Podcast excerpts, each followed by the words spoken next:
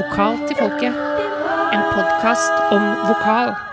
Da var vi endelig samla i samme rom igjen. Mari, Ja, så godt å se deg på ordentlig. i like måte. Det er fint å se deg uten delay. ja, ja. ja det, det skal bli fint nå å få lov til å være sammen igjen. Eh, Ja. Vi, vi gikk jo friskt ut i fjor sommer og tenkte at nå, nå skal vi podde i samme rom. Eh, Og så gikk det ikke så lang tid, og så måtte vi tilbake igjen på, på nett. Men nå håper jeg, nå skal vi ikke jinxe det, men jeg Nei. håper at vi får lov til å fortsette å Ja. være her. I verste fall, altså nå, nå er det jo vaksinering på gang. Da tenker jeg at hvis det da bryter ut noen skumle greier, så tenker jeg at da må vi få tak i sånn derre fullt sånn eh, smittevernsutstyr. Ja. og så setter vi i hver vår lille boble. og så podder vi. For det, det, som er, det som er fint, er jo at vi har øyekontakt. Det er det som jeg har savna på Zoom. Ja. For da har jeg glodd på dine øyne, men du har jo glodd en helt annen plass. Ja, det, blir, det er vanskelig å se hverandre inn i øynene. Ja, det går. Det går.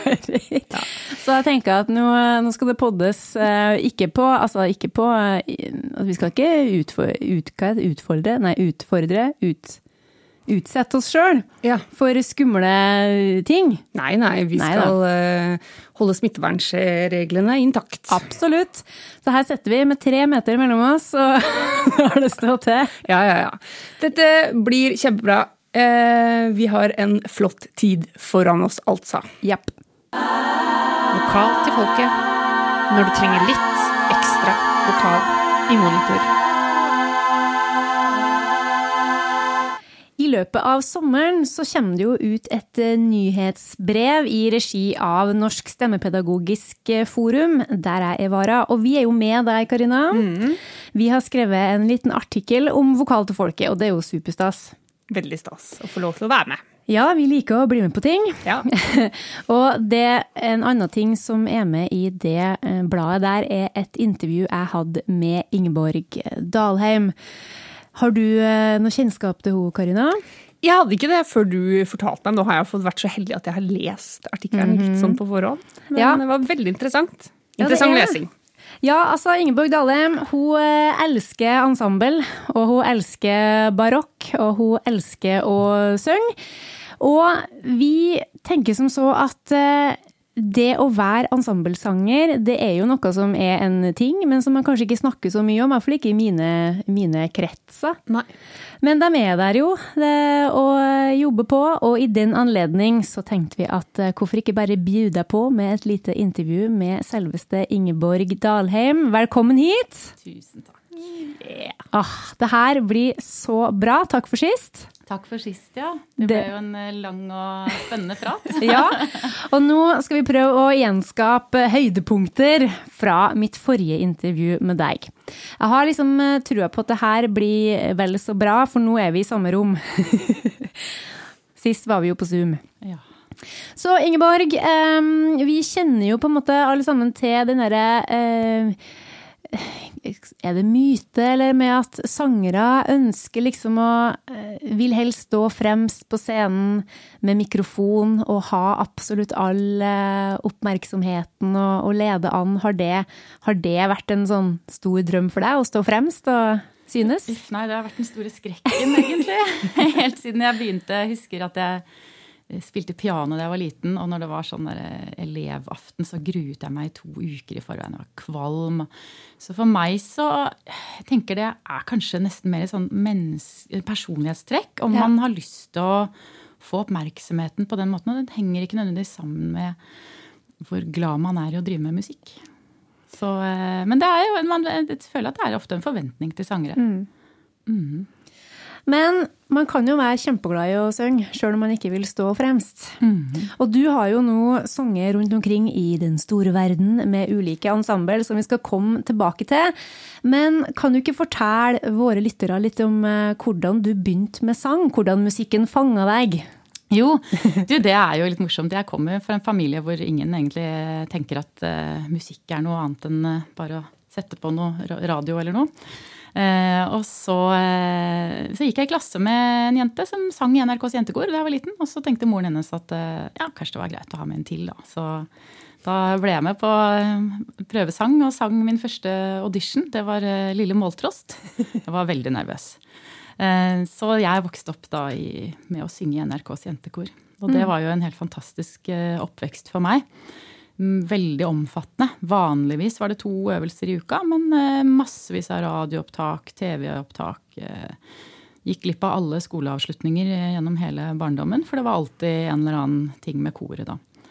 Men et utrolig fint sted for meg å få være. Fordi jeg da ikke likte å stå lengst fram, men jeg var veldig glad i musikken. Så det ga meg veldig veldig store musikalske opplevelser å få være med i en sånn stor et stort fellesskap som blir mye større enn det du kan gjøre alene, uansett hvor eh, god du er til å synge. Da. Den derre lyden som bare omslutter deg helt. Det, det var stort for et lite, lite pikeøre. ja, jeg skjønner det.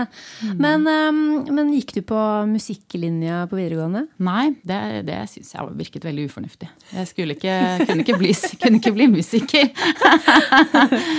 Så nei, jeg tok meg den luksusen etter videregående, for jeg gikk vanlig allmennfag. Men eh, etter videregående så studerte jeg folkemusikk et år på Rauland i Telemark, Det Høgskolen i Telemark.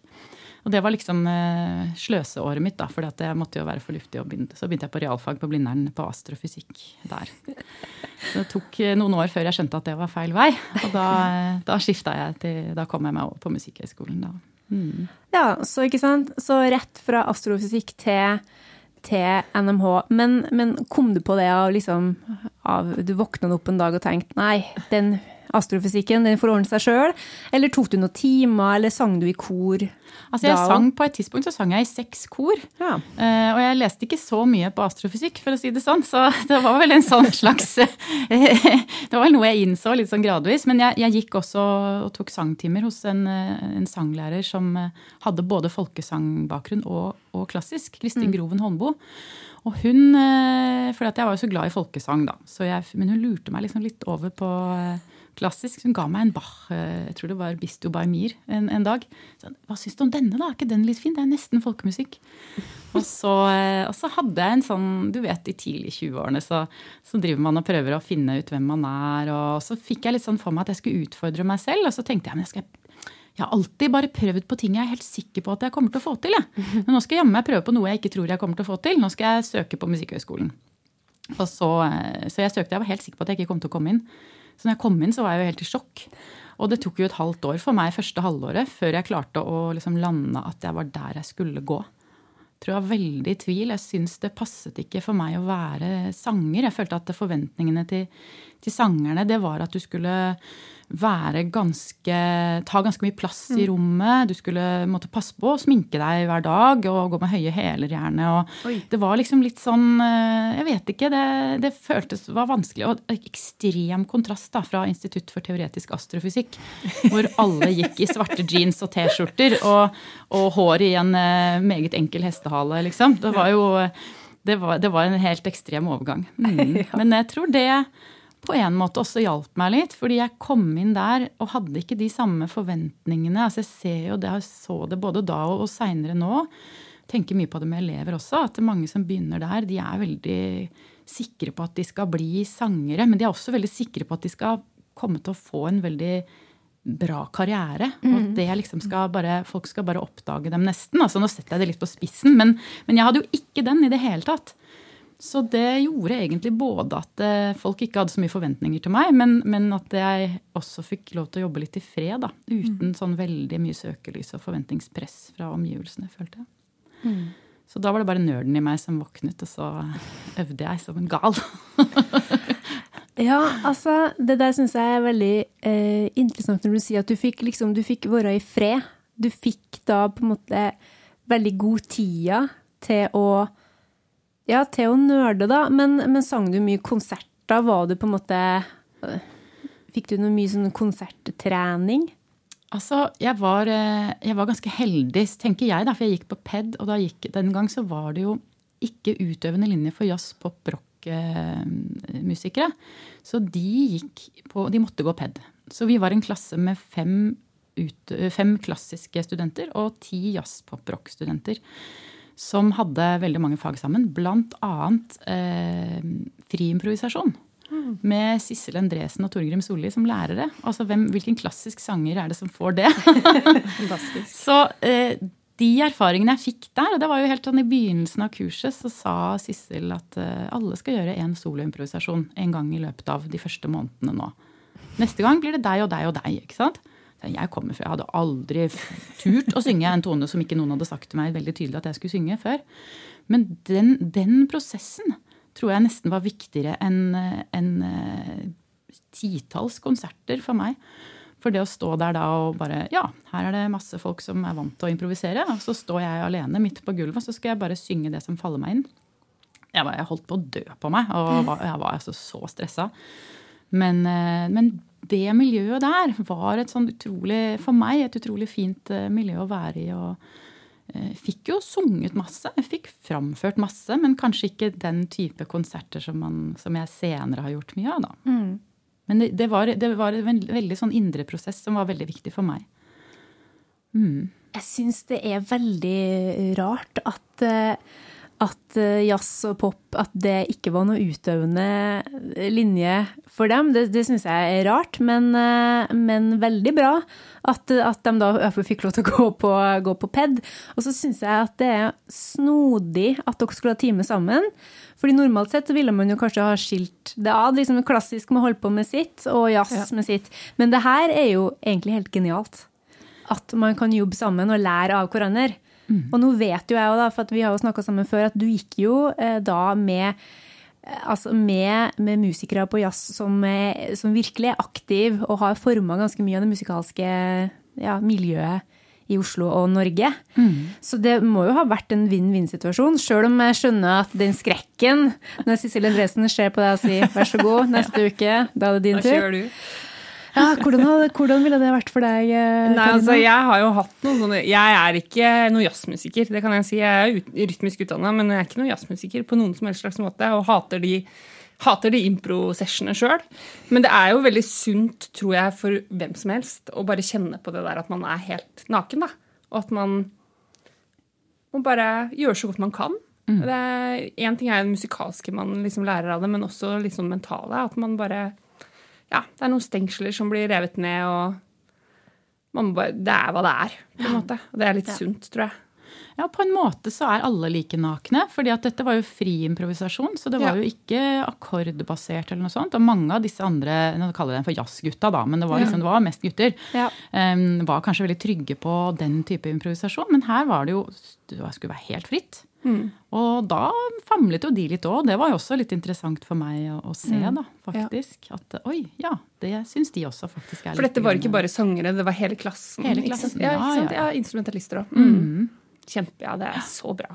Ja, det var utrolig godt kurs. Det er virkelig det, kanskje det viktigste kurset hele, i hele min studietid. Ja, ja. Og fordelen du hadde også, var jo selvfølgelig at du hadde jo et forhold til din stemme. For det er jo ofte instrumentalister som kommer inn, de har kanskje ikke et forhold til sin egen stemme, og at det er en stengsel også. Å nei, nei, men de spilte instrumentene sine. Å ja, de gjorde det! Ja, ja, de sang ikke de. Ja, da skjønner jeg. Jeg trodde de mm. skulle synge òg. Nei, men da er jeg med. Da er jeg med. Nei, nei, de spilte instrumentene sine. Jeg syns jo det var Jeg misunte jo dem, for jeg tenkte at stemmen var mye mer personlig og mye eksponert eksponere nervøsitet og sånn. Du, du, kan liksom ikke gjemme deg bak noen ting. Nei.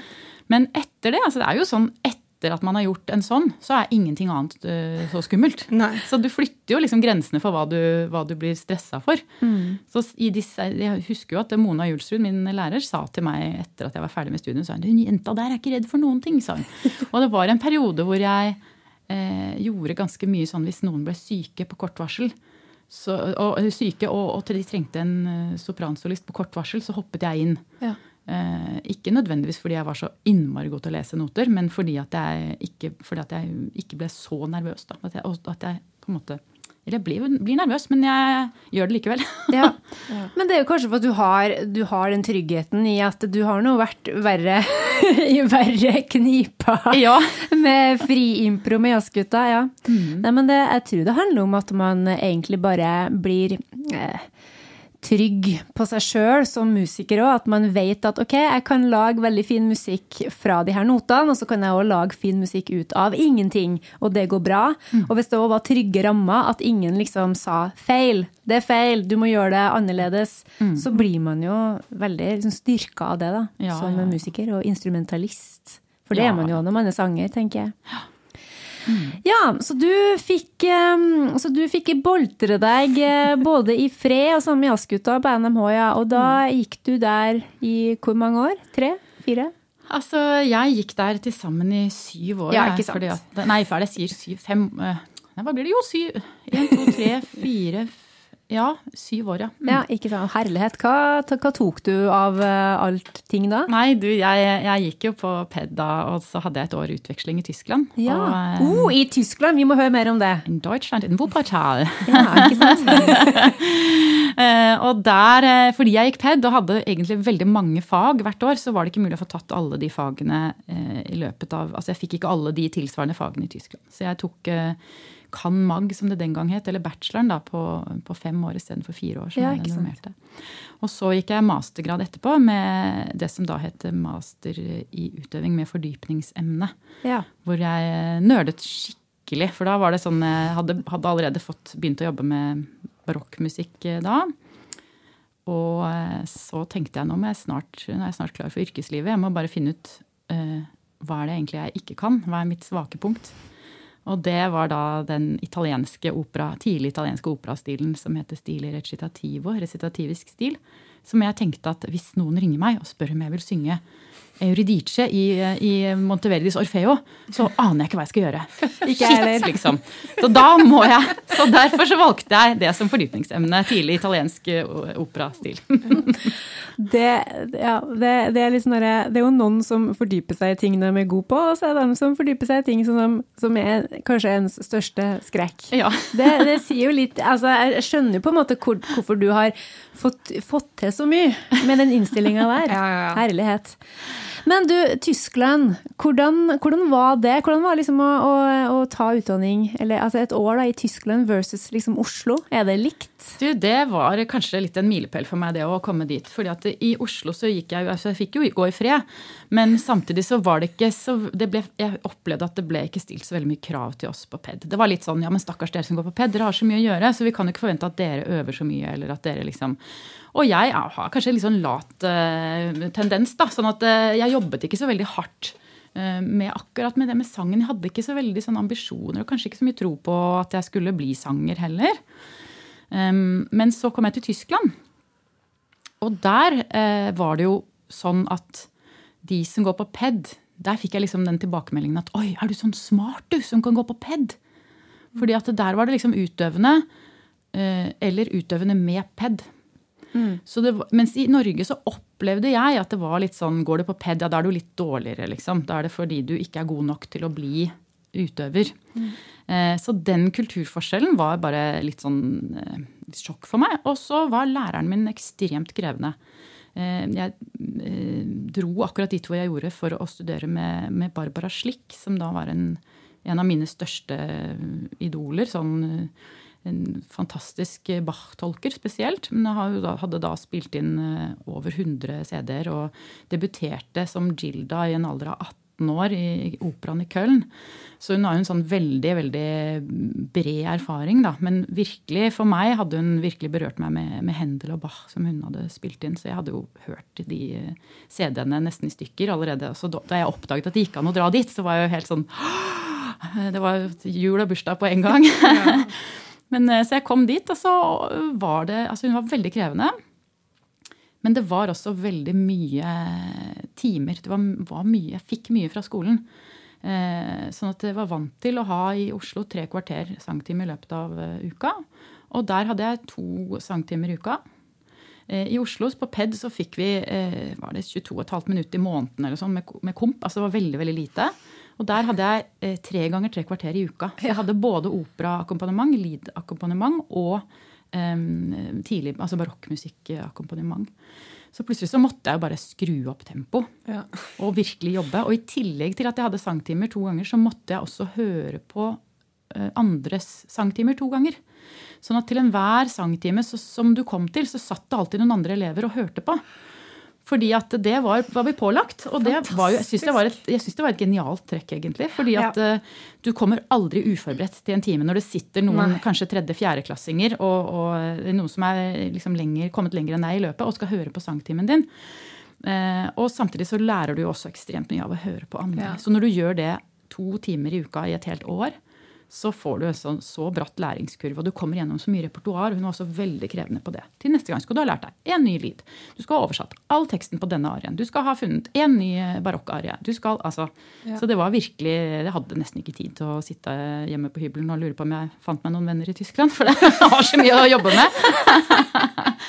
Og så var det, altså var hun sånn, for, for meg så passet det veldig bra. Hun var veldig forfriskende ærlig.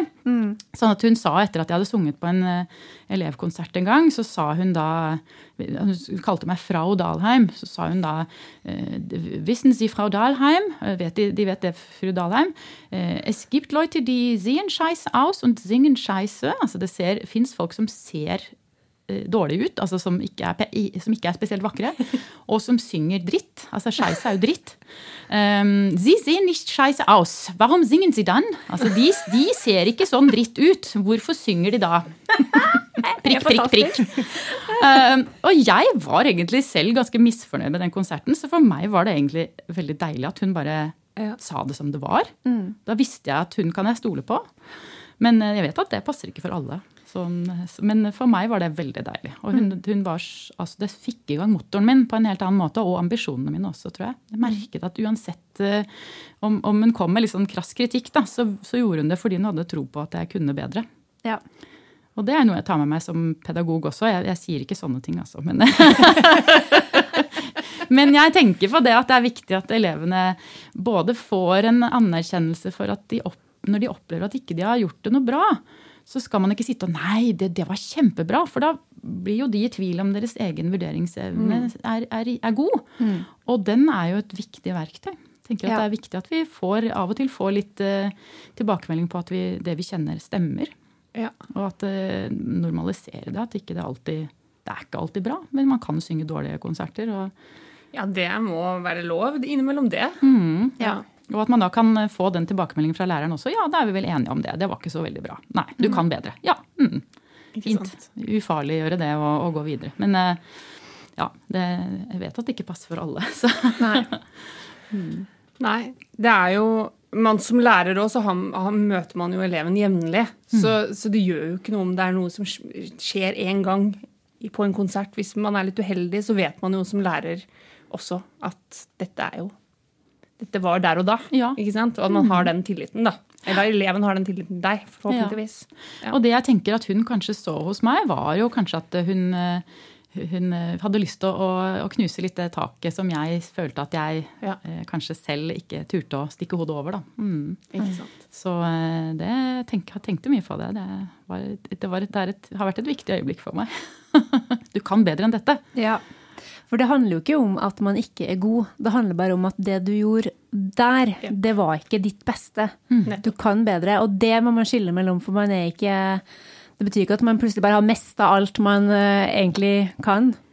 Nei, og at hun kanskje også så at det var noe i meg som ikke turte helt å ta sjansen på at jeg kunne synge bedre. da. At eh, min identitet eh, kanskje var litt grann underdog, og at jeg var litt redd for å prøve igjen. da. Ja. Redd for å prøve å, å synge bedre. Og så, eh, etter Tyskland, tilbake til Norge, ja, og, eh, og master. Og så må vi jo snakke litt om at du plutselig ble headhunta. Jeg tenker at du ble det. Til noe eh, fantastiske ensemble. Det er så vanskelig navn på de ensemblene, så jeg tør ikke å si det. Men, eh, men, eh, men kan ikke du fortelle litt om, eh, om eh, ja, om det her? Det kan jeg gjøre. Altså, det, er jo, det er litt morsomt, for at jeg, eh, selv om jeg er litt sånn tøff, så, så har jeg gjort alt jeg kunne for å slippe å prøvesynge i mitt liv. Eh, så eh, jeg skal ikke si hvor mange jobber jeg har fått uten å prøvesynge, men det er ganske mange. For jeg har heller bare håpet at noen kanskje hører meg på en konsert eller noe. Ehm, jeg anbefaler ikke det som strategi, altså, men jeg har vært heldig. Men det var mens jeg gikk på, på bacheloren, faktisk. Så gikk jeg på biblioteket, som jeg ofte gjorde, og så tok jeg ut en sånn tidsskriftsamler for den som det sto kurs og prøvesang på. Og der lå det en folder fra, fra Les Arts Florissant eh, med dirigent eh, William Christie, som utlyste et sånn unge sangere-program som heter Le Jardin des Voix. Eh, og der var det audition. Og jeg tenkte yes, dette melder jeg meg på. Er jo, jeg er jo barokkinteressert, så dette må jo være for meg. Jeg tror ikke jeg egentlig hadde helt følelsen av hvor stort det jeg meldte meg på, var. Så jeg dro til, dro til Køln og prøvesang. Eh, og det gikk egentlig veldig fint. Så fikk jeg beskjed om at nei, jeg hadde dessverre ikke kommet med på det. Det var sånn, det er sånn årlig de velger ut hva var det for noe, seks sanger eller noe sånt hvert år. Tok ikke, jeg tok ikke det så veldig tungt. Men så gikk det en uke eller to, og så ringte telefonen. Og da var det Jackie Howard from Les Arts Florissant Paris som ringte meg og lurte på om jeg var ledig for å være med på en turné i koret deres, eller med koret til Les Arts Og da hadde jeg jo plutselig hoppet fra liksom unge sangere lanseringsprogram til faktisk eh, profesjonell eh, virksomhet i ensemble på, i, i verdensklasse. Og da, bare sånn for at de, eh, våre lyttere skal forstå liksom hvor stort det her er. Altså Eh, for det her er jo et, virkelig et proft ensemble som er veldig, veldig kjent mm. blant dem som barokkfansen, da. Mm. Altså er det på en måte altså, Hvis vi klarer å sette i en annen målestokk, er det som å på en måte Altså, kan vi sammenligne med å, å være med i som korist for Rolling Stones eller Michael Jackson, Justin Bieber, er vi der? Ja. Eh, det var i hvert fall den opplevelsen jeg hadde.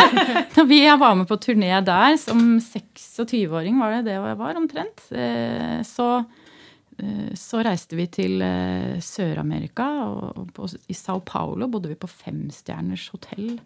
Var, altså det var så, det var så stas overalt vi kom. Folk sto utenfor og skulle ha autografer. Mm. Og, altså, for meg var det helt uh, uvirkelig. Mm. Men det var jo også helt fantastisk. Altså den, det å holde på med musikk på det nivået. Eh, det, var, det, hadde aldri vært noen skandinaver i det koret før. Så det var jo også en helt ny liksom, Det var stort sett franskmenn da, som, som sang der. Ja. Så det var jo også en sånn milepæl. Jeg følte at oi, her er det faktisk ingen som har gått før meg. så ringer de deg, en 26-åring mm fra, fra Norge. Mm. Og bare 'Hello, mademoiselle'. Mm. det er jo helt absurd. Ja, det er helt vilt. Ja, jeg husker at de spurte, for det var først det skulle være én uke i juni, og så skulle det være da seks uker i, på høsten det året. Dette var i 2004. Eh, og den uka da, eh, i juni, det krasjet med min eh, bacheloreksamen. Så da sa jeg yes, but uh, I have my exam. Uh, can I check with the school first? Så bare yes, take your time. Just call us back within a couple of days. Det var liksom veldig sånn. Og så, så ringte jeg til uh, både til læreren, sanglæreren min da, og til uh, akkompagnatøren min, Knut Johannessen. Og jeg husker at han sa er du gal, du må si ja! Så det er ingen som bryr seg om du har en grad fra Norges musikkhøgskole, men får du begynt å jobbe der, da er alle dører åpne. Så, eh, og Musikkhøgskolen var veldig velvillig og flyttet på eksamen min. og sånt. Mm. Så da var jeg jo egentlig allerede før jeg begynte på masteren, så var jeg i gang eh, med internasjonalt arbeid. Åh, mm. Det var helt vilt. Ja, det er helt mm. vilt. Men vi må Hvordan, hvordan, hvordan eh, altså, hvordan tør man det her, da? Å reise ned til et proft ensemble og Ja. Nei, altså det er jo det. Denne jenta der er ikke redd for noen ting. Nei, jeg tror at eh, det, det, var den kjærligheten til repertoaret som bare Og nerden i meg, da. ikke sant? Jeg var jo alltid veldig, veldig godt forberedt. Um, og så var, kom jeg til et fantastisk miljø. Altså det var jo virkelig en samling med utrolig dyktige profesjonelle sangere. Som, satt, som var veldig trygge i sin posisjon, som alle elsket å synge i det ensemblet. Eh, sånn at da, når folk er trygge og, sånn, så er de ofte veldig rause. Så jeg fikk komme inn der og på en måte Ja, jeg følte at jeg var litt som en lærling, da. Og de, de sang jo nesten bare fransk barokkmusikk. altså Det er jo deres spesialitet. Og med fransk barokkmusikk, altså den stilen, så følger det et sett med konvensjoner. altså Massevis av ornamentikk. Det er veldig mye sånn som ikke står i notene, og som man da må bare fylle på og, og lære. ikke sant? Og jeg fikk jo da faktisk lære det um, ja, ved å bare være i det miljøet. Så hun som satt ved siden av meg, liksom dunket meg litt med albuen og sa ja, men her må du synge en, eh, en trille, eller ja, men her gjør vi sånn, og eh, bare følg oss, bare følg oss. Mm. Så, eh, og så, så, husker jeg veldig godt da jeg kom tilbake til prosjekt nummer to. Da var det sånn strålende blid sopranrekke, da, de andre fem sangerne som liksom Ja, ja, du er her! Ja, ja, vi sa du var, sa du var grei!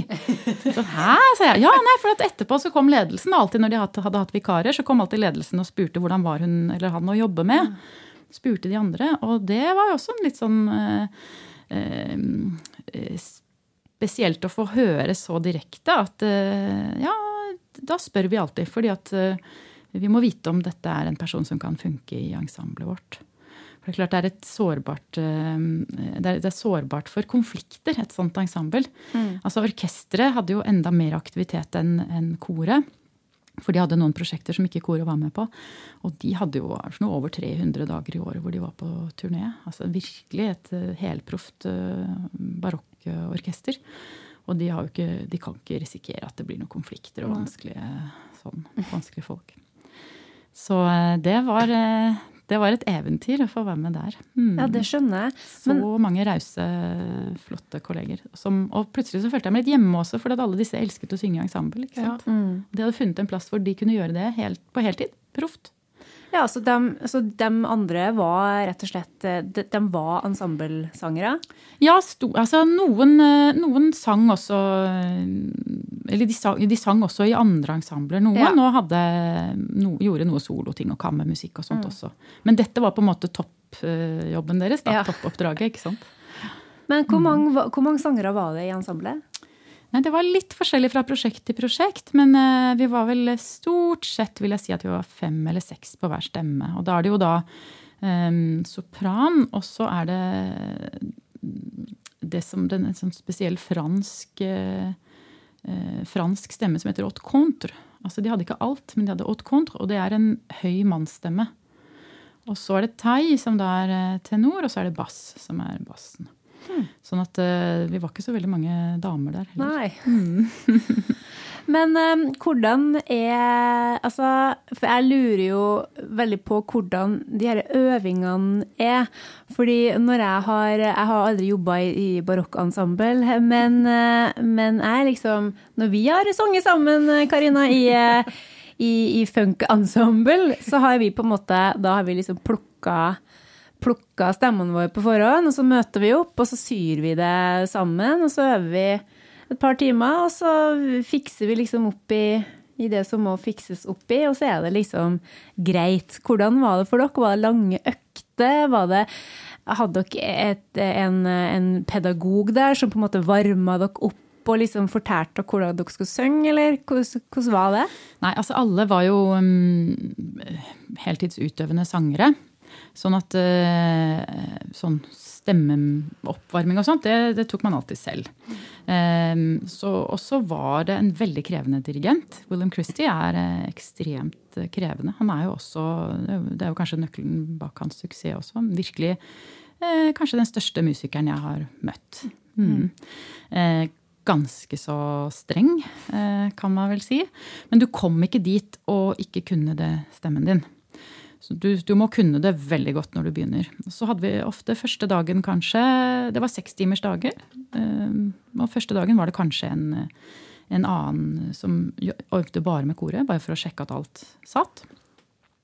Og så derfra så var det stort sett tuttiøvelser med kor og Det var nesten alltid med koret og orkesteret. Um, det var sekstimersdager da også. Tre, da, tre timer, en time lunsj og tre timer til. Ja, altså seks eh. timer med, med aktiv synging. Mm, ja. Ja, det, da skal du ha ganske grei, eh, grei kontroll på stemmene for å ikke slite deg ut. Ja, du får jo testet om teknikken din holder. Um, samtidig så er det ikke et veldig altså Det er et repertoar som ligger, oftest ligger ganske godt hvis du er på riktig stemmegruppe. Um, og så er det en klok dirigent også, da, en krevende og streng, men også litt klok. Sånn at han vet at man kan ikke holde på med de mest krevende partiene en hel dag. dag. Så, så no, delvis så har du en god leder, og så har du også eh, litt ansvar selv for å ikke ta deg helt ut, og skjønne når du kan spare og når du, eh, når du må ta i. Men eh, det er veldig disiplinerende, og det er jo min opplevelse at det å synge i ensemble er ekstremt disiplinerende for, også for teknikken. At du er nødt til å tenke veldig mye teknikk. Men eh, også på en måte for meg av og til eh, tenker jeg at det er en anledning til å virkelig få øvd teknikk. da. For du sitter der og, og trenger, blir ikke bedømt fordi at uh, dere er såpass mange. Men du kan virkelig kjenne etter ok, hvordan puster jeg nå? Har jeg, har jeg god uh, Åssen er det med kjeven min nå? Uh, hva er det jeg driver med med tungen, egentlig? ikke sant? Altså, kan det, kan, du kan kanskje av og til ha litt grann mulighet til det også, da. Ja, ikke sant. Hva er den største forskjellen, tenker du, å jobbe teknisk i et ensemble kontra det å eh, være solist? Um, jeg tenker at uh, i ensemble så må du rett og slett kunne synge veldig, veldig svakt. Du må kunne synge uten vibrato. Uh, du må kunne Du må ha veldig god kontroll på intonasjon. Og du må også ha det selv om du ikke hører deg selv. Så du må på en måte vite litt når ikke sant? Du må se litt i the usual suspects. Du må på en måte skjønne hvor her kan det hende at intonasjonen lider hvis ikke jeg passer litt ekstra på. Så litt sånn forutsi, forutse, forutseende sånn sett. Um, men um, jeg opplever at akkurat det her er liksom, du, du må virkelig ha fin, fininnstillingene inne. Du må kunne synge ekstremt svakt og uh, allikevel ha en jevn og god tone. og er, du kan på en måte, det er, det er, sjelden du kan bare la det flyte, liksom. Og bare ta den plassen. Du må hele tiden uh, ha full kontroll. da. Mm. Ja, og jeg vil tro med pusting og at mm. man er jo en enhet, på en måte, så der, må, der, kan man ikke kjøre sitt eget løp. Nei, det kan du jo ikke. Og, og samtidig så må du på en måte synge med din stemme. og mm og med god teknikk. Sånn at um, det er liksom en fare også hvis man prøver å tilpasse seg for mye til de rundt. Så det er noe med den graden av tilpasning også. At noen ting må du tilpasse de rundt. Du må tilpasse liksom timing, frasering. Eh, altså Alle sånne ting er sånn du må virkelig ha på eh, antennene og følge med nøyaktig. Hva gjør de rundt deg? Hvis, og hvis, særlig hvis det er lange partier hvor du skal korpuste, så må du passe på når puster de, når, da, når, ikke sant? Mm. Men samtidig så må du ikke begynne å tilpasse klangen din. Du må ikke liksom skvise for å høres lysere ut i klangen. Eller? Må, så det er noen ting må du bare liksom stole på at uh, her, må, her, vet jeg hvordan jeg synger godt. Mm. Uh, og det tror jeg kanskje er liksom den, en sånn uh, ja, hva skal jeg si, en fallgruve, da. Sånn, hvor folk kan på en måte bli litt sånn prøve å tilpasse stemmen sin for mye til de andre. Mm. Og da er det vanskelig å synge godt. Ikke sant? At man mister seg sjøl litt, på en måte, nesten? Ja. Det er fort gjort at du begynner å liksom ja, klemme litt, ja. eller uh, begrense din egen klang, da. Mm. Mm. Jeg tenker jo Hvis, hvis man er seks sopraner, mm. eh, og du har blitt headhunta Jeg elsker å si at du er det. Så, ja, men så er det jo fordi at det er din stemme de vil ha tak i. Ja. ikke sant? Mm. Fordi at eh, noen har tenkt at den stemmen kommer til å passe veldig bra sammen med de her fem på mm. den stemmen, og sammen med de andre. Det vil fungere veldig fint. Eh, og det er klart at hvis du da plutselig liksom begynner å, å, å, ja, å klemme til og, og, forandre på det, så blir det jo ikke det resultatet som uh, var ønska, mm. tenker jeg. Nei, det er et godt poeng. Ja. Mm. Men uh, det her var altså da med William Christie. Mm. Og så har du jo òg jobba med uh, godeste Er det Jordi, eller er det Jordi? Ja, det Jordi Saval. Ja, Jordi Saval, ja. ja det var ikke så dårlig. Ja, men jeg må, jeg må, jeg må, jeg må rett og slett gå inn i karakter. Jordi Saval! Ja. Um, sånn som jeg har forstått det, så um, han òg er jo utrolig dyktig musiker og, og um, bandleder, kaller vi det, men uh, dirigent heter det kanskje på, på, i ensembleverden. Men han eh, er jo, var, er jo en litt annen type enn Christie. Det var kanskje ikke så streng disiplin der på samme måten? Nei, nei, det var jo helt var ekstrem kontrast. Og det kan du si det er noe kulturforskjell også. Bill eller William Christie det er jo amerikaner, men nå franskmann. Veldig strukturert type. Um, Jordi er spanjol, ikke sant. og, og um, Eh, der eh, litt grann, eh, det, det går litt, Tiden går litt saktere, liksom. Ja. Så, mens eh, øvelser med, med Bill, der, der, må du være på plass. Du må sitte på plassen din 20 minutter før. Ja. For, og for da sitter han ved dirigentpulten og ser utover, skuler, og hvis du kommer seinere da, så får du det onde øyet. Og, og du, vet, du vet aldri om du om det var det siste prosjektet ditt, rett og slett. Oi, Han, altså, han, er ekstremt uh, opptatt av sånt. Jeg, ja. Mens uh, Jordi, da var det sånn, jeg husker jeg første prøven jeg skulle med dem, så, så, hadde jeg jo som vanlig da, tenkt å møte opp 20 minutter før og sjekket kalenderen, eller sjekket adressen og liksom funnet fram og kart og sånt noe. Og så kom jeg dit, og der var det helt tomt. Ingen mennesker. Og da tenkte jeg er det feil dag? Er det feil sted? Hvor er det liksom sånn? Nei. Og så tiden gikk, og jeg sjekket og nei, begynte å liksom finne ut hva skal jeg ringe noe administrasjon og finne ut av dette. Men så fem over da, så kom det noen andre med noen sånne instrumentkasser tuslende. Altså. altså, det var altså det, Jeg tror vi begynte kanskje Jeg tror kanskje første tonen ble spilt over en time etter at prøven egentlig skulle begynne. Og det sto, var ikke noe sånn 'når slutter vi'? Nei, det vet vi ikke. Nei. Nei. Så CD-innspilling, da holdt vi på til eh, jeg tror vi sang siste tonen eh, nærmest det er kvart på fire om natta. Så eh, det er litt andre litt, Det er litt annen kultur, da, sånn ja. sett. Kanskje bra at du starta med det andre først? Ja, jeg tror kanskje det, ja. Ikke du hadde kommet slentrende på Ja, og det er klart det har vært sånn, eh, det har vært sånn opplæring i at det fins forskjellige kulturer, da. Og, ja. og vite det, og, og litt hva man kan forvente.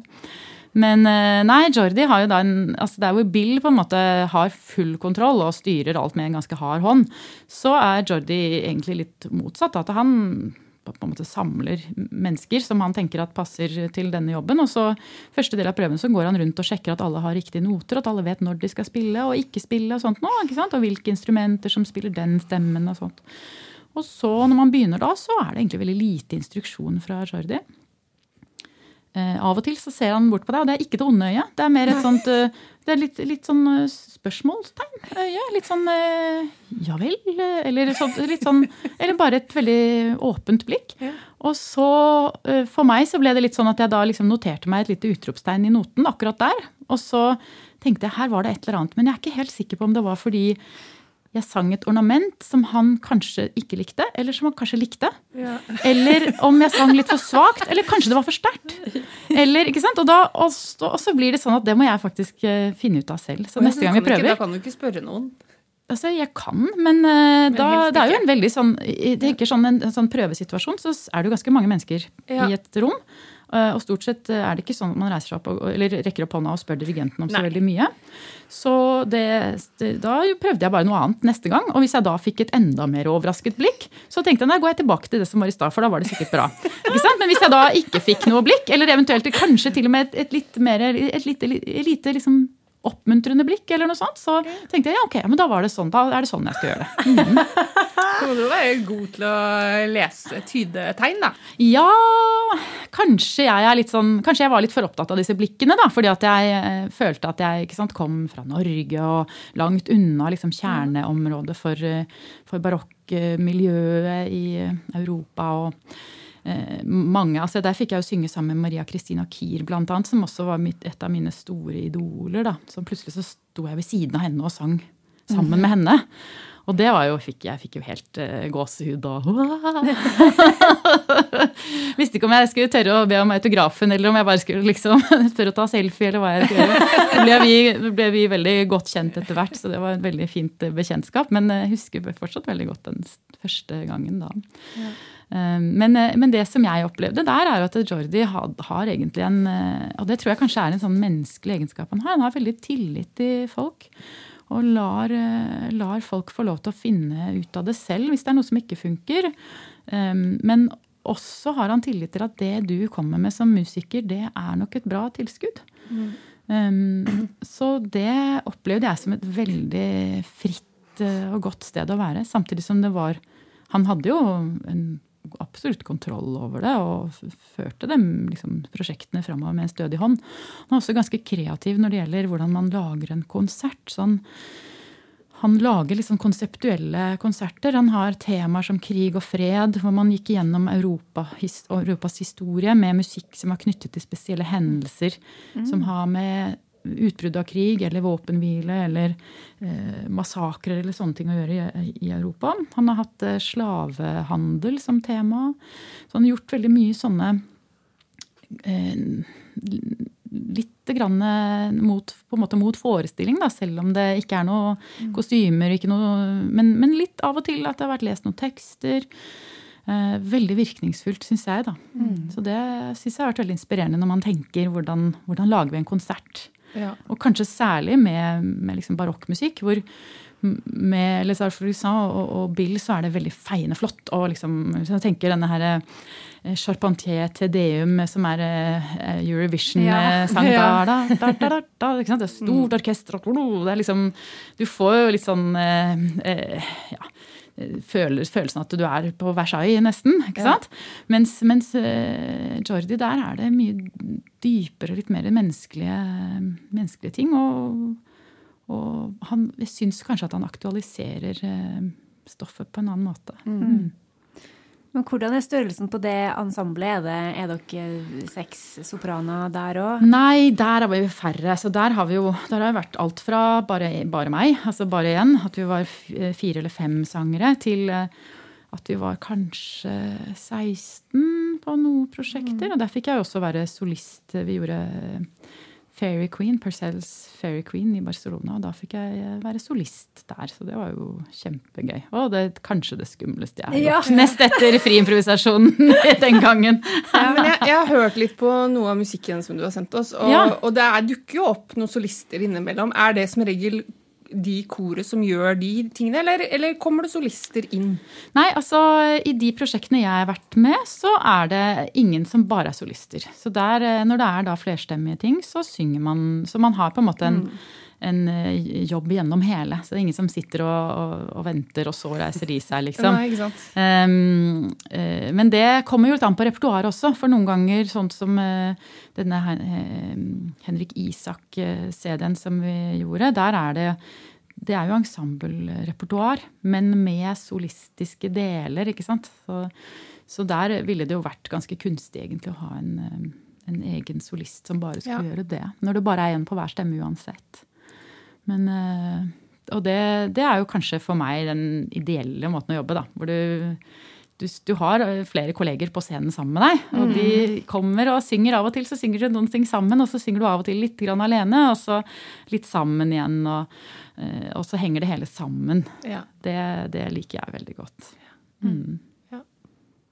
Har du noen, noen, liksom, noen høydepunkt eller noen konserter som har vært liksom større enn andre, og da mener jeg liksom i, i, kapasitet, men uh, som virkelig er liksom minner fra, fra, den tida med Jeg klarer jo ikke å si de navnene på ensemblet, jeg tør ikke, men uh, med Christie og Saval.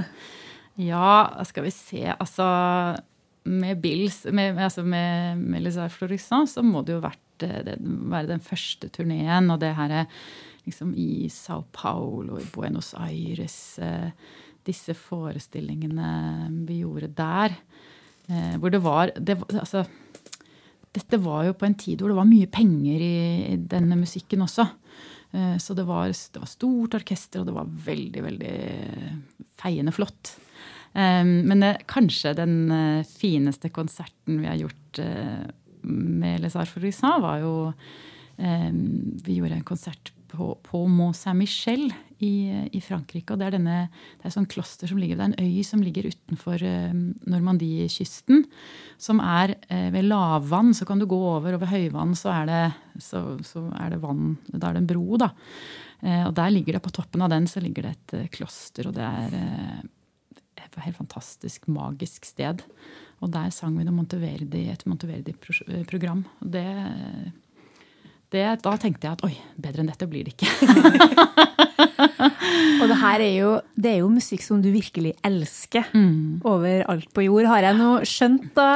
Både sist når vi prata og når jeg prater med deg nå. Altså det, du stråler jo av, eh, av ekstase når du, når du snakker om det òg. Skjønner at det må være eh, veldig Veldig spesielt og litt sånn klype seg i armen-opplegg Ja. når man plutselig står der, Mm. tenker jeg. Mm, det, det er det. Og det er jo det som har drevet meg egentlig i den retningen også. og At jeg virkelig har funnet det repertoaret som, eh, som jeg kjenner at resonnerer veldig sterkt inni meg. Mm. Hva er det med barokkmusikken, da? Som er så Nei, altså, Fint, det kan du si. vet du hva, Det er jo veldig, det er nesten litt flaut å si, men, men jeg har aldri vært så veldig glad i sånn eh, klassisk sang, egentlig. Nei. Det- Da jeg var liten, så husker jeg pappa satte på av og til sånn Jussi Bjørling til jul. ikke sant? Og Da ble jeg sånn irritert, for jeg skjønte ikke hvilken tone han mente. Jeg likte ikke den vibratoen. ikke sant? Så den hadde jeg liksom vanskelig for å, å takle. Og jeg synes det er fortsatt ikke min favorittdel av klassisk sang. Så det klart, det var jo litt eh, deilig, for i det, det barokkrepertoaret så bruker man mye mindre. altså Det er ikke den kontinuerlige vibratoen.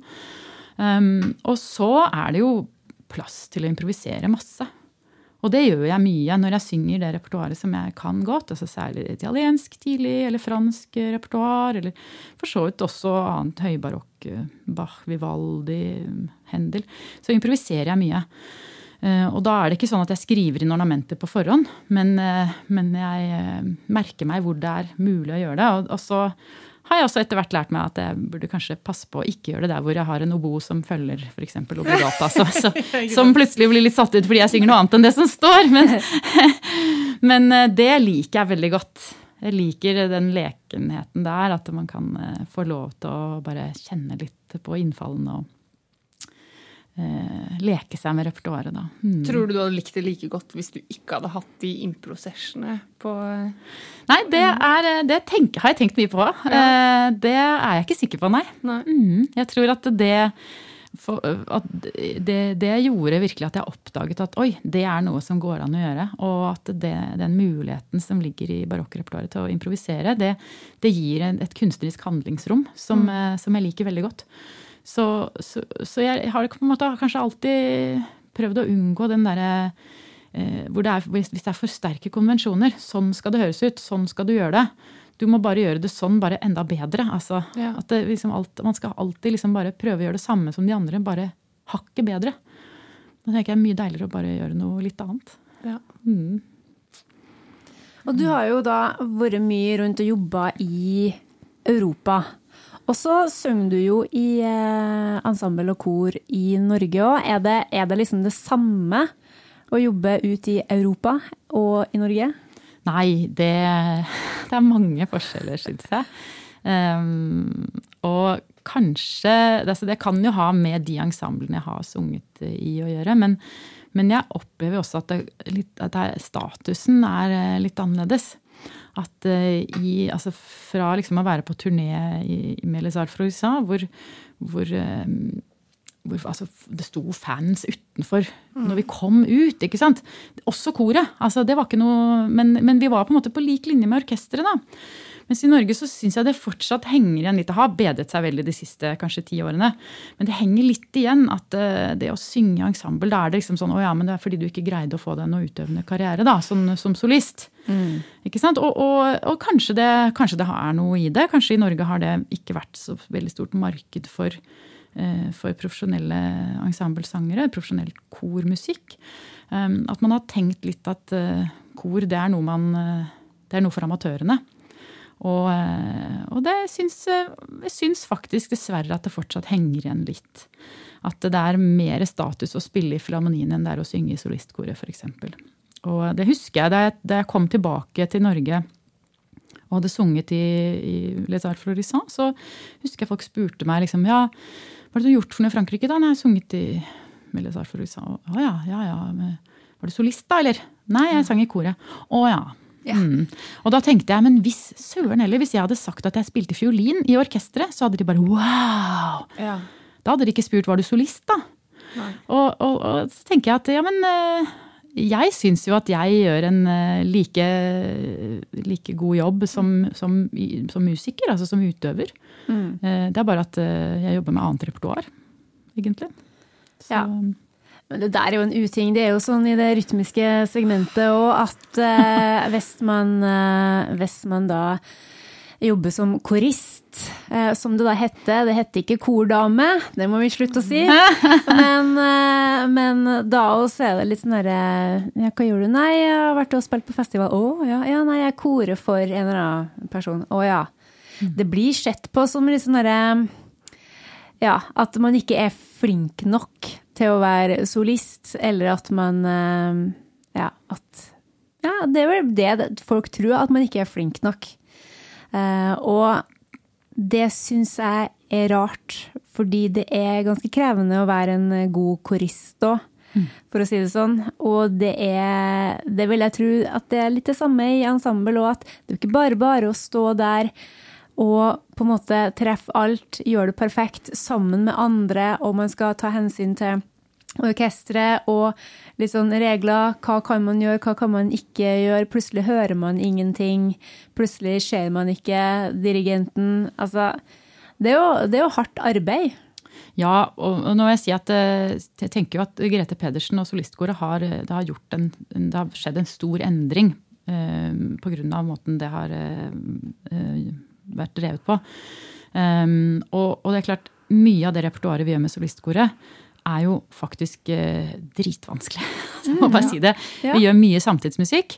Eh, ekstremt vanskelige ting. Dette er liksom, det er krevende både altså rytmisk, tonalt. Det er krevende med ekstra teknikker. Du skal liksom eh, gjøre tunge klikk på flere forskjellige måter. Du skal liksom, Presisjon og det, Sånn at Eh, der tenker jeg også at men fader, dette er jo skikkelig må, du må ha, det, Jeg har jo sunget samtidsmusikk som er vanskeligere enn astrofysikken, som jeg den gang forlot. ikke sant? Så du virkelig kjenner det knaker inn i hodet for at du skal prøve å få det til å komme på riktig sted og gjøre, ja. synge de riktige tingene. Så, så, der er det liksom litt sånn Ja, men eh, hvis det, hvis, jeg, hvis, jeg, klarer dette, så, så er ikke det, det er, det er ikke sånn at jeg ikke hadde klart å, å, gjøre dette alene. Det er bare at det er faktisk enda vanskeligere å synge dette når alle de andre rundt deg synger noe, synger noe helt annet også. Mm. Ja, og så er det at som solist, da, iallfall i, i vår verden, så, som, som, solist så kan du fake og styre, og du kan bomme på kus. Du kan på en måte du kan, du kan gjøre veldig mye hva du vil, men det kan ikke koristene. De er nødt til å være på plass. Mm. Og, og, og, det der med, med timing og det å få gjort det man skal, det er krevende. Jeg syns det er rart at vi fortsatt henger igjen i de tankene der. Forhåpentligvis, etter at den poden er ut, så skjønner jo alle sammen at det her, det er ensemblesangere. Vi bør bli hele gjengen. Ja. Ja. Men hvordan blir man en eh, god ensemblesanger da? Må man være liksom helt rå på bladsang? Bør man kan alle liksom, epoker, stiler og sjangre i verden? Kom igjen, fasiten. Eh, altså, jeg kan jo bare snakke for meg selv, da. Ja. Og jeg er eh, egentlig ikke så veldig god på bladsang. Um, men oh, jeg men, Så det er jo litt eh, ingen grunn til at uh, andre skal følge i mine fotspor der. For det, det, skaper bare vanskeligheter for meg. Men uh, nei, jeg tror altså jeg tror nesten det viktigste er bare at man må ha lyst til å synge sammen med andre. Man må synes at det er faktisk fint, at det er deilig at det er noen andre der òg. Mm. Ja. Hvis du kjenner inni deg at eh, æsj, jeg blir litt irritert over at noen andre synger sterkere enn overdøver meg, liksom. da må du bare komme deg vekk. Da har du ikke noe der å gjøre. Altså, eh, så du, det er, det, og det tenker jeg en del på. at uh, hvis man tror at det å synge i ensemble er liksom en sånn fin ekstrainntekt bare mens man liksom venter på at man skal slå igjennom, altså litt sånn, da så tenker jeg at da er det, det er på en måte en forbrytelse både mot deg selv og mot dine kolleger. Mm. fordi at det er ganske giftig for de rundt. Man kjenner det ganske tydelig hvis noen egentlig helst har lyst til å synge alene, men bare ikke fikk De hadde ikke nok jobber denne måneden til at de kunne la være å bli med i noe ensembleting. Mm. Uh, og så er det jo, det er jo altså, Jeg syns det er litt sånn grunnleggende magisk ja, at mennesker med kroppen kan lage så fantastisk musikk. Bare samle en hel haug med mennesker. Og så kan vi bare åpne munnen og puste og bruke noen sånne centimeterlange små biter av kroppen til å lage den musikken. Og og liksom virkelig omgi oss med lyd og kunst. Ja. Um, men, men det, er liksom, det er kanskje for spesielt interesserte, da. Men det gjelder jo egentlig all, all musikk. Altså, man må jo finne det man uh, syns at uh, gir mening å holde på med. Mm. Og Du sa jo at du ikke var så god på bladsang, men du er jo tydeligvis god på å innstudere musikk. Ja. Ja, Så nå må ikke folk droppe ut av eh, note- og hørlærerfaget? Nei, nei, nei, nei, det må du ikke. Det er klart, det kommer an på hva man sammenligner med. Og jeg har jo sunget altså, et, et annet ensemble jeg sang med også, som heter La Grande Chapelle i Spania. De, der ble jeg også headhunta, for han sto bare utenfor en gang etter at han hadde hørt meg synge en konsert med Lizar Florissa, så sto han og ringte den der. 'Jeg vil ha deg'. Nei, altså, det her er helt rått. Flaks. Men, men der var det mange engelske sangere. Ja. Og de er jo helt rå. De er jo maskiner. Du kan jo gi dem hva som helst, og de synger det, bladsynger det bare med en gang.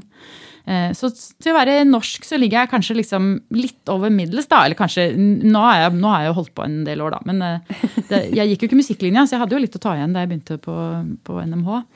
Men, eh, men eh, hvis du ikke, altså du må jo kjenne dine styrker og svakheter. Ja. Og hvis du vet at du ikke er så innmari god til å bladsynge, da er det jo kanskje lurt å forberede seg på forhånd, da. Mm, ja, ikke sant. Eh, og, og så blir man jo bedre etter hvert. Ja.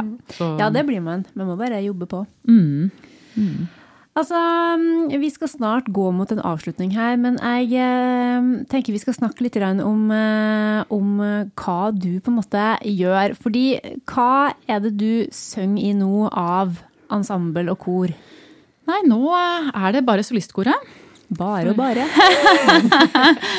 Nei, altså Dette har jo vært en pandemi som har satt en stopper for det aller meste. Og jeg må jo si at det, jeg har jo sett mine kolleger i utlandet mm, Veldig mange som har rett og slett blitt tvunget over på andre i andre bransjer. Altså som har gitt opp. En av verdens beste renessansetrombonister har begynt startet webdesignfirma. ikke sant? Det er jo, det er, det, så dette tenker jeg er en krise i kulturlivet som Ja. kommer til å vare ganske lenge. For det er mye kompetanse som går tapt. Altså Spiller du renessansetrombone, så må du øve hver dag. Og når du da Ja. slutter med det, så kommer du ikke tilbake. Så det er mye, veldig mye kompetanse som har gått tapt. Ja. Mm, men ehm, Nei, så det er solistkoret nå. Ellers så holder jeg på med um, jeg, har, jeg var så heldig at jeg fikk treårig kunstnerstipend fra Statens kunstnerstipend i, i 2019. Så det er på siste året mitt uh, nå. Eh, hvor jeg hadde masse planer før uh, korona kom. Ja. Og så måtte jeg legge om det. Ja. Så nå har jeg rett og slett neste på, på planen nå er å spille inn en CD eller ja, hva skal man si? Den spiller inn noe. Eh, det er jo ingen som gir ut CD lenger, men eh, eh, som bare er Det er musikk for bare solo, solo stemme. Så jeg har Å, med så gøy! Fortell mer! ja, ja, ja, så jeg har, eh, Dette kunstnerstipendprosjektet mitt har vært å jobbe mellom, med eh, noe som på en måte kanskje er essensen i meg. Da, som er noe mellom uh, folkemusikk og klassisk folkesang og klassisk sang. Altså hvordan, hvor, hvordan, Hva er det som skjer akkurat der hvor de møtes? De, de sangstilene. Eh, Så jeg har eh, fordypet meg veldig i, i folkesang og lært meg veldig mye nytt repertoar. Og så kom jeg over kulokker. Og det er jo altså det er et repertoar som er så gøy. For det er så kreativt, og det er så utforskende, og det er så eh, grenseoverskridende i liksom Altså inn, Du har jo eh, omfang på, som er helt ekstremt opp til trestrøken D. Eh, det finner ikke noe særlig annen folkesang som er oppi der. Og så er det egentlig det er liksom morsomt, for dette er jo det er jo musikk som er egentlig ikke er sunget for noen. Det er jo sunget for dyr, Ja, ikke ikke for det, ja. mennesker. og så syns jeg egentlig at der var det ganske mye likhetstrekk med eh, en del samtidsmusikk. Så jeg skal spille inn eh, ja, John Cage, eh, det er noe Chelsea, det blir Apergis og Lasse Thoresen. Og så noen norske folketoner. Blant annet en del kulokker, som jeg syns er veldig morsomme. Gleder meg til å høre. Så Det høres spennende. fantastisk ut. Altså, jeg er så glad for at, eh, at liksom astrofysikken mista kanskje a shining star, men, eh, men musikklivet fikk jo heldigvis overta. Altså, herlighet. Det er, man blir så gira av å, å høre når du prater. Altså. Får lyst til å gå og forske på noe greier, jeg òg. Ja. Ja, men jeg syns du har vært utrolig flink til å finne Og kanskje det er litt tilfeldigheter, sånn som du sier, da, for eksempel med det improkurset, at det var som det var. Men, men, men at du er flink til å navigere og finne din Din greie. Ja, altså Det er så smart. Jeg har kanskje vært litt heldig med det at jeg følte at jeg måtte bare holde på med min greie da, fra Ja. starten av. Men eh, ja, det, så, så liker jeg jo veldig godt å liksom, utforske nye og utfordre meg litt. Så nå skal jeg prøve meg som Hva var det du ikke het? Kordame? Var det det? Korist. Ja, korist. Jeg skal prøve Ja. meg som korist Ja, nå! får være med på, på en, eh, den nye låta til, eh, til Ravi nå, som slippes eh, 19. juli. Stas. Kan man si jeg er blitt et litt sånn uh, internfamilieprosjekt, da.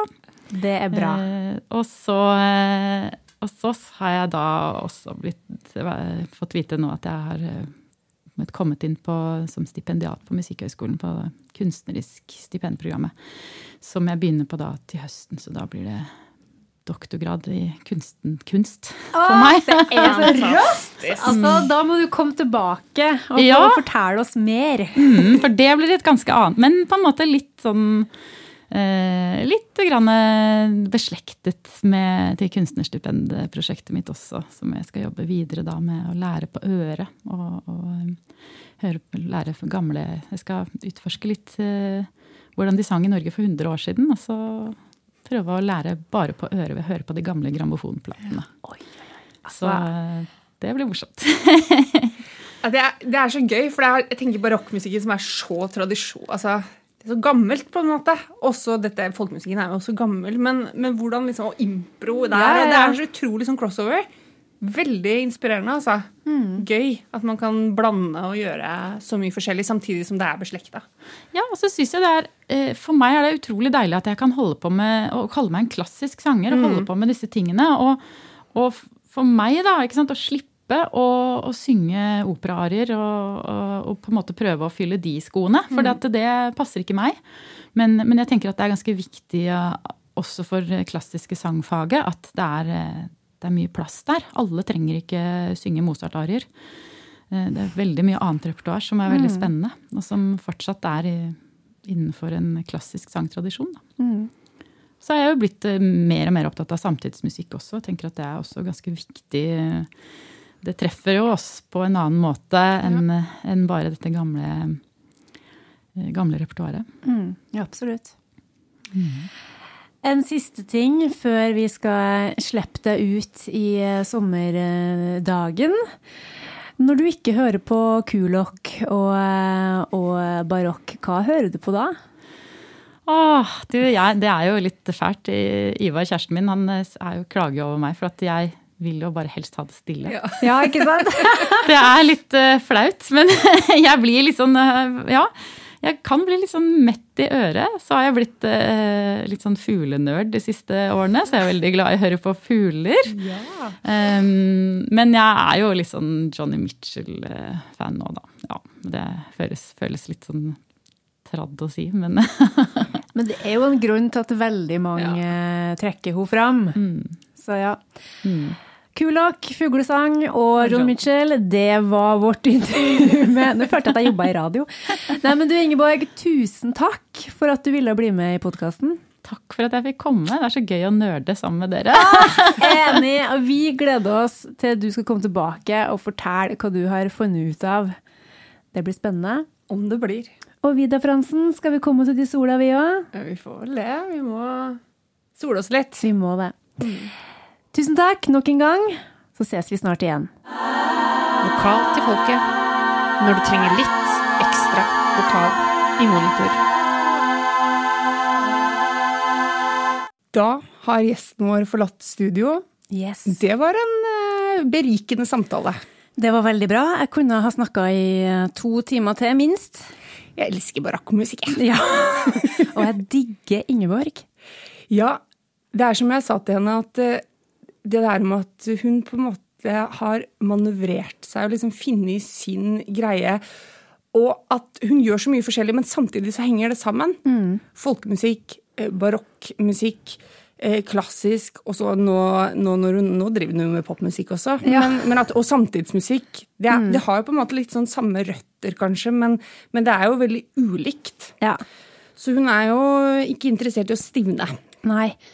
Og jeg syns at det er eh, inspirerende å møte en person som som ikke Altså som ikke faller for fristelsen til å gå på akkord med det man vil, Ja. fordi eh, noen andre mener noe annet, eller fordi at noe har eh, høy eller lav status, da. For det har jo ikke det. Men sånn som publikum eller samfunnet tenker, det der med at hvis du, hvis du har lyst til å være i ensemble, eller har lyst til å være korist, så er det på en måte feil. Da er man ikke bra nok, Ja. ikke god nok til å, til å synge lead. Det er jo bare noe stort tull. ja, det er noe skikkelig tull. Og det der må vi, det må vi snakke mer om. Ja, jeg syns det er rart at det fortsatt er sånn, for det var jo litt sånn når vi studerte for mange herrens år tilbake. Tenk at det fortsatt er sånn. Ja. Ja. Nei, det her eh, vi, Jeg føler at vi må komme enda mer til bunns. Én ting er jo også ensemblesangen, men også i det rytmiske miljøet, hvor dette med, med koring og korister ja. er jo en eh, Det er en jobb, da, Ja. på en måte. Jeg tror kanskje ikke at folk flest skjønner hvor mye arbeid det ligger i det å være korist, for da må du, du må lytte så veldig til den du skal eh, kore, for jobben din er jo på en måte å løfte fram solisten. Ja. Du skal fargelegge et lydbilde. Du er nødt til å ha stålkontroll på din egen klang, Ja. og den skal være lik, ikke sant, dag for dag. Du kan ikke bare få et innfall om at nå skal jeg bare legge den litt der. Nei. For du, skal, du, må, du, du har du har én jobb, og den må du gjøre. Absolutt. Nei, det der er undervurdert, spør du meg. Ja. Og så er det jo litt sånn besynderlig det derre med at Altså, som hun fortalte om det derre med at i Norge um, var det litt sånn derre B-utdanning å gå på PED, mens i Tyskland var det wow, er du, er du så god Ja, det at du kan gjøre meg begge litt. deler? Ja. Ja, ja det overraska meg litt, faktisk. Men på en positiv måte, da. Ja. At, det er, at det er sånn. Ehm, ja. Jeg husker jo øh, når øh, jeg studerte òg, at det var um, At det var liksom lagt opp til at de som gikk på utøvende, de kunne ikke ha så mye fast undervisning fordi de skulle De måtte Øve. øve så mye. Ja. Og så Og jeg gikk jo PED, øh, og har jo for det første ikke angra på det i det Nei. hele tatt. Eh, Men jeg husker det at jeg Altså, når jeg var øvd, da Ikke at jeg øvde mest, men jeg øvde ikke minst heller. Og jeg så jo oftest dem som gikk på PED, ja. på øvingsrommene, spesielt tidlig på morgenen. Ikke sant. I åtte-ni-draget så var det faglærergjengen som var der og øvde. Og nå er det klart at jeg så jo ikke absolutt alle, og det er ikke sånn at jeg har studert der i tusen år, men i løpet av mine seks år som student, så jeg hørte ikke noe forskjell på dem som gikk på utøvende og dem som gikk på PED, og jeg så ikke i gangene at det var mest utøvende folk. Så det der jeg tror det handler mer om mennesketype. Og Det kan godt tenkes at eh, altså Vi må også huske på at det, var, det er jo mange som har lyst til å gå på PED òg. Ja, ja, Som ja. søker seg inn på det og liksom gleder seg til nå skal jeg ta meg i utdannelse, nå skal jeg bli faglærer i musikk. Det blir kjempebra. ja. Det er virkelig ikke sånn at absolutt alle sammen som plukker opp et instrument eller en mikrofon, har tenkt at det her er det jeg skal stå fremst og lir av meg ting hele livet. Nei, nei, nei. nei. Og takk og lov for det. Ja. Det er da plass til, plass til alle. Ja. Men ikke bare at det er plass til alle, men det bør være eh, likestilt også. At man bør ha respekt for hverandre. Ja. Og at man eh, må forstå at det, begges, eller begge sider er like viktig, da. Vi trenger folk som står i front, og vi trenger folk som står lenger bak Ja. til å gjøre en jobb. Og vi trenger folk som underviser i sang og Ja! musikk. Og det vi trenger nå, Karina, Ja. er rett og slett å få takk for eh, året så langt, og Ja. ta oss en liten eh, ferie. Det syns jeg er fortjent. Ja. Da tenker jeg som så at vi bare ønsker alle vokalentusiaster ut der en, eh, en vokalfylt sommer. Syng høyt og lågt, fort og sakte. Hør på god musikk. Hør på Tori Amos og Rufus Wainwright, så vil det gå dere bra. Absolutt. Og så Nå snakker vi i kor, Ja, det det er liker jeg. ja, og så dundrer vi på igjen til høsten. Det syns jeg absolutt. Vi har noen eh, bra gjester på gang, Ja. så dette blir supert. God sommer, da, folkens. God sommer! Ha det. Du har hørt Vokal til folkets podkast med Karina Fransen og Mari Klingen. Besøk oss på vokaltilfolket.no, finn oss på Facebook og Instagram, og gi oss gjerne ei stjerne i iTunes. Vi tar gladelig imot tilbakemeldinger, tips og innspill. Så ikke nøl med å sende oss en melding. Vi snakkes!